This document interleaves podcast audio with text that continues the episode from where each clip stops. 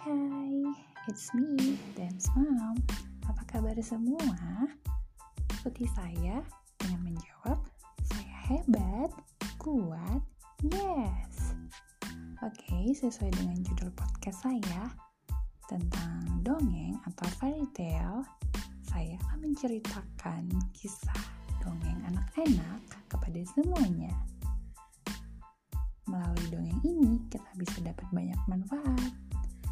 Apa saja? Lo, let's check it out. Thank you.